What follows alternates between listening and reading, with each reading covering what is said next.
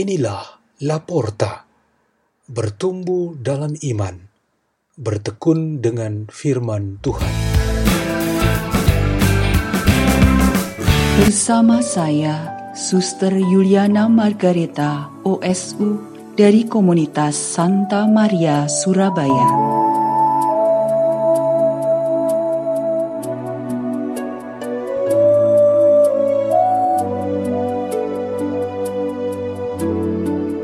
Bacaan dan Renungan Sabda Tuhan Hari Senin 31 Agustus 2020 Pekan Biasa ke-22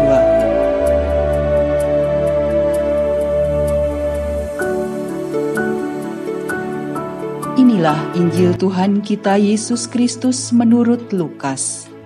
Sekali peristiwa, datanglah Yesus di Nazaret tempat ia dibesarkan seperti biasa, pada hari Sabat ia masuk ke rumah ibadat.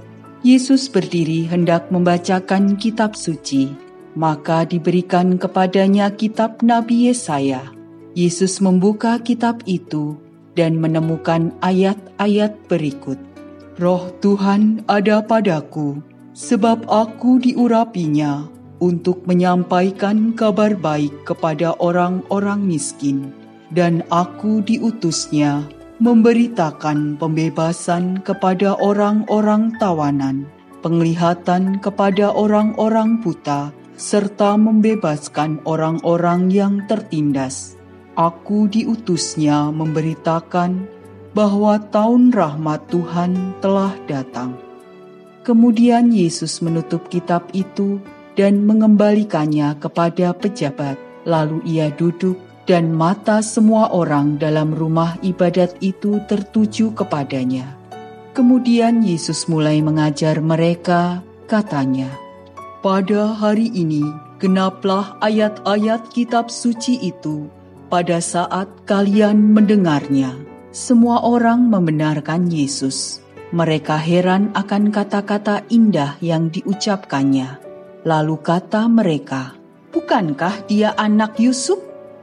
Yesus berkata, "Tentu kalian akan mengatakan pepatah ini kepadaku, 'Hai tabib, sembuhkanlah dirimu sendiri.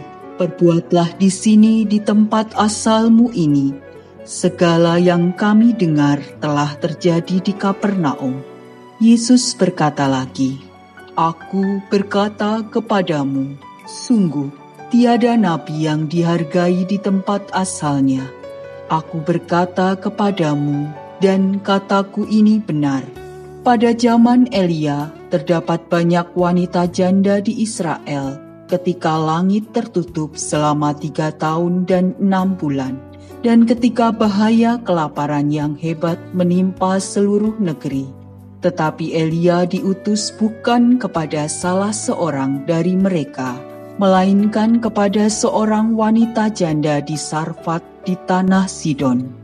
Dan pada zaman Nabi Elisa banyak orang kusta di Israel, tetapi tiada seorang pun dari mereka yang ditahirkan, selain Naaman, orang Syria itu. Mendengar itu sangat marahlah semua orang di rumah ibadat itu. Mereka bangkit lalu menghalau Yesus keluar kota dan membawa dia ke tebing gunung tempat kota itu terletak untuk melemparkan dia dari tebing itu. Tetapi Yesus berjalan lewat tengah-tengah mereka, lalu pergi. Demikianlah Injil Tuhan.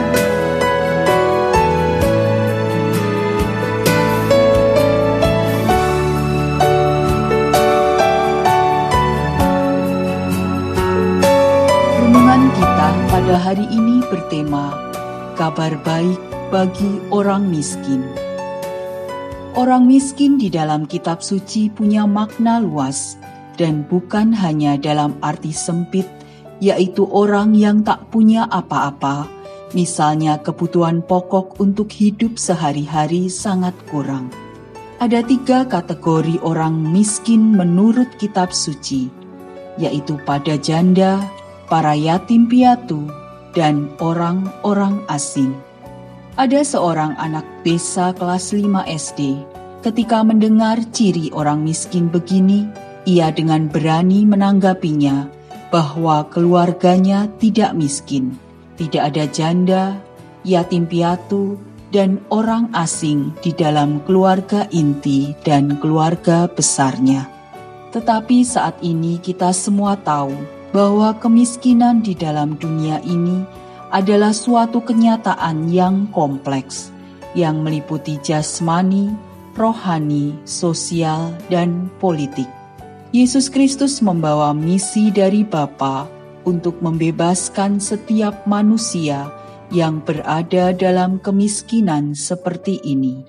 Ketika ia berkhotbah di dalam sinagoga di tempat asalnya itu, ia berkata bahwa misinya terlaksana pada saat firman itu disampaikan. Para pendengarnya saat itu adalah orang-orang kaya dan berkuasa, karena hanya mereka yang punya akses ke rumah ibadat. Jadi, mereka pasti tersinggung.